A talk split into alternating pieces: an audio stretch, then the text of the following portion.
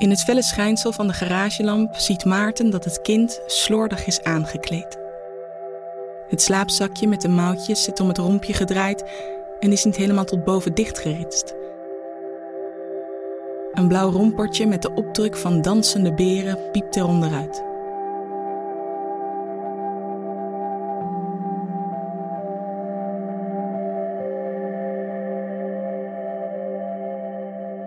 Hij bekijkt zijn dochter vanaf de andere kant van het autoraam. Het kronkelende lijfje vastgesnoerd in de maxicosi, haar rimpelige hoofdje dat bij elke uithaal een andere kant op zwiept, er zit ineens kracht in die beentjes. Zelfs na twee uur huilen is ze nog niet eens een beetje uitgeput.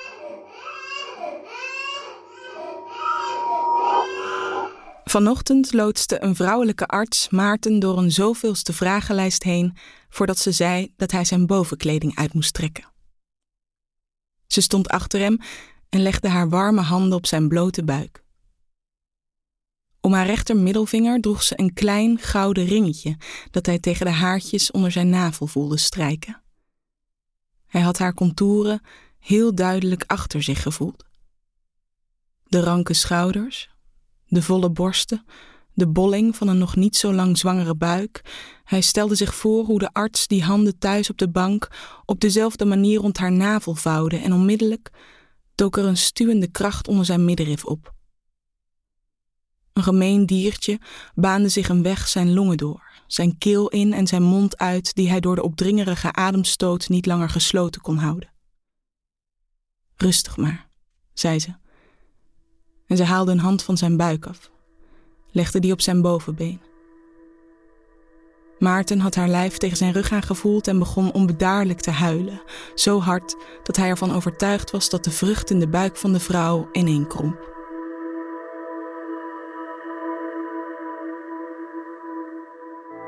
De aanvallen begonnen toen Eva vier maanden zwanger was en verklaarde niet meer aangeraakt te willen worden.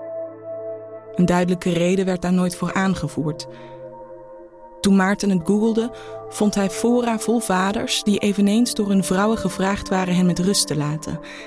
Er werden veel grappen gemaakt over masturberen en naar de hoeren gaan. Een enkele keer postte een van de vaders een quasi-serieus hart onder de riem, meestal op een nachtelijk uur. Wat je vrouw ook doet of zegt tijdens de zwangerschap, neem het vooral niet te persoonlijk. Zwanger zijn gaat vanzelf weer over. Maarten deed zijn best niets van Eva's afstandelijke gedrag persoonlijk te nemen, maar het mislukte. Het kind voelde steeds minder van hem, steeds meer van haar alleen. S'avonds fluisterde ze tegen de ongeboren baby aan de andere kant van het bed, alsof hij niet mocht horen wat ze te bespreken hadden, alsof hij overbodig was, te veel. Wanneer hij op die avonden eindelijk in slaap viel, droomde hij keer op keer dat hij wakker werd in de hotelkamer in Praag, waar Eva en hij sliepen tijdens hun eerste vakantie.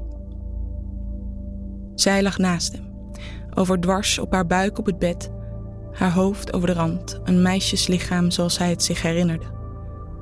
Haar billen hoog in de lucht, haar borsten plat gedrukt tegen het gekreukte wit van het dekbedovertrek waar ze op in plaats van onder hadden geslapen. Kijk ze werken klonk haar stem van ver. In de droom rolde Maarten zich op zijn zij, kroop over haar heen en drukte daarbij met zijn onderlichaam haar billen naar beneden. Naast het bed, op goedkoop amandelkleurig laminaat, lag een vol slordig dichtgeknoopt condoom van de avond daarvoor. Met erop en eromheen tientallen krioelende mieren die zich door de plooien van het latex heen probeerden te werken, met een ijver die alleen koloniedieren kunnen opbrengen. Ze kropen over de muren en het plafond, maakten een vreemd hees geluid en begonnen zich te vermeerderen. Net zolang totdat ze met genoeg waren om het lichaam van Eva, bewegingsloos en oud ineens, van hem weg te dragen.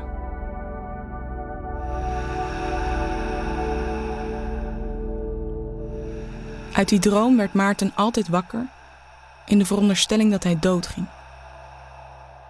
Een onzichtbaar blok beton was op zijn borst beland. Zijn longen waren op hol geslagen, alsof hij op een loopband stond die hij niet meer onder controle had. De rotaties te snel om er nog af te kunnen springen. De eerste keer had hij in paniek Eva aangestoten, die zich omdraaide, hem in het donker aankeek en haar armen voor haar buik sloeg, alsof ze zichzelf en het kind tegen hem moest beschermen.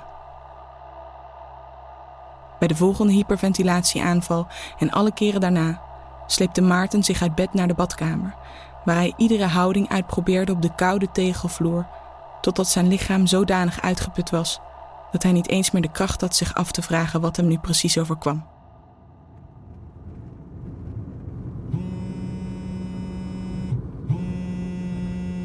Het is drie uur zestien als Eva belt. De baby hikt en hoest haar laatste ontevredenheid weg in iets wat op sluimerslaap lijkt. En de telefoon trilt zo hevig tegen het plastic van het dashboard dat de auto voor een kort moment de andere rijbaan opschiet. Maarten voelt onmiddellijk een hevige ademscheut tintelen in zijn neus. Hij kan nu niet bellen. Zijn mond zit dichtgeplakt met een stuk donkerblauwe sporttape. Ik ben aan het rijden, X. Oké, tot zo, X.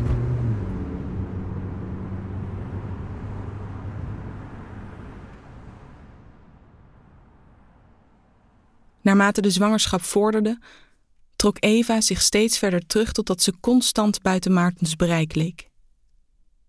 En waar hij op hoopte, gebeurde niet. Toen ze eenmaal bevallen was, werden de oude patronen niet opgehaald, maar bleef de nieuwe status quo behouden. Zij en het kind een natuurlijke twee-eenheid. Hij alleen. Zichzelf aanpratend dat wat hij ook deed, het hoofdje met een klap op de commode bij het verschonen van een luier, klonte melkpoeder in het flesje, het onhandige overgeven van de ingepakte baby aan visite, dat het niet fout was. Dat het niets zei over hem als vader. Wanneer hij er met Eva over probeerde te praten, zocht ze ostentatief steun bij het kind. Dat een schone luier moest, een knuffel, een slaapje of een hapje of ineens een half uur met Eva moest verdwijnen achter de gesloten deur van de babykamer. Op andere momenten, wanneer Eva tijd voor zichzelf nodig had of wanneer het zijn beurt was, liet ze het kind moeiteloos aan hem over. De paniekaanvallen werden erger breidde zich uit, verpletterde hem op de meest vreemde momenten als een drukkende middagzon. Toen een collega Maarten in het kopieerhok vond, ingeklemd tussen de printer en de papierbak, besloot hij naar de huisarts te gaan. Maar zijn huisarts en alle artsen daarna hadden niets opgelost. Maarten vroeg zich af of de vrouw van vanochtend iets had opgelost.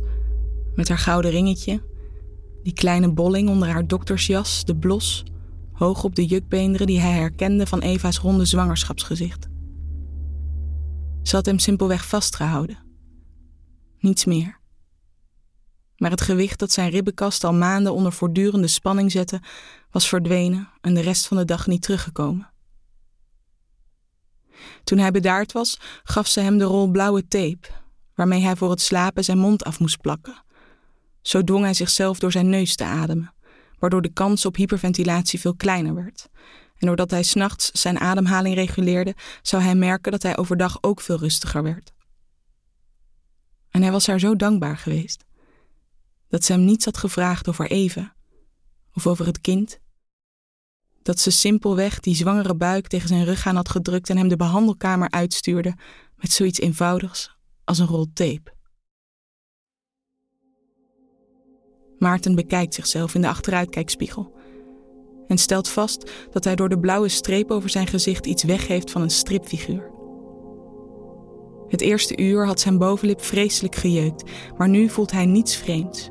Het voelt alsof die tape daar al die tijd had moeten zitten. De schaamte die hem vanochtend overmande toen hij zich zo liet gaan in de kale spreekkamer van de arts, heeft plaatsgemaakt voor iets anders, iets krachtigs op precies dezelfde plek onder zijn middenrif, waar zich normaal het dier schuilhoudt. Thuis aangekomen zet hij het kind nog in de maxicosi in de babykamer. Hij trekt zijn jas uit en legt die ernaast. Eva ligt er precies zo bij als hij haar achterliet. Op het nachtkastje knippert het lampje van haar telefoon.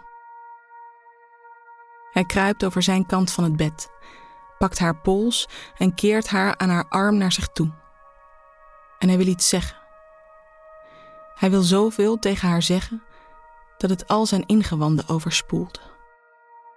Maar als hij het puntje van de tape heeft vastgepakt, klaar om het los te trekken, niet bang voor de pijn, klinkt er gehuil vanaf de overloop. Een aangezwengelde sirene, genadelozer nog dan eerst.